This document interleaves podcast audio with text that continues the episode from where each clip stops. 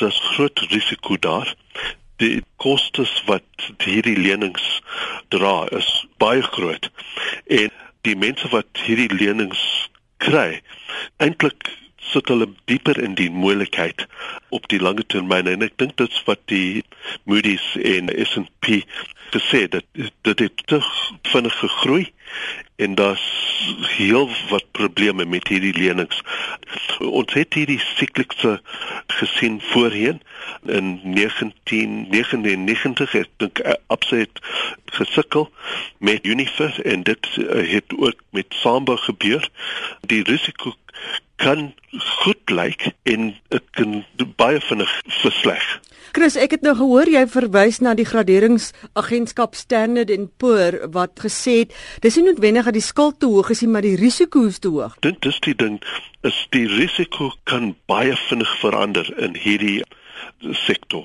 Dis nie soos uh, huislenings of motorlenings wat die risiko verander op 'n baie stadige manier en as rentekoerse opstyg en mense in die moeilikheid bevind.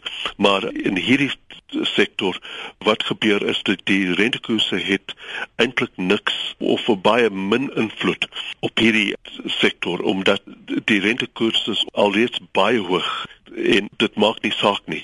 Wat gebeur as die mense se omstandighede verander hulle verloor hulle werk of so iets dan vind hulle hulle in die moeilikheid. En dit is hoekom dit kan baie baie vinnig verander as mense hulle werk verloor en hulle 'n huislening die huis is nog steeds daar om die risiko te verminder. Dit klink of Capitec volgens hulle gesonde sakebeginsels volg. Hulle sê Moody dit bevestig. Wat dink jy van hierdie uitlatings?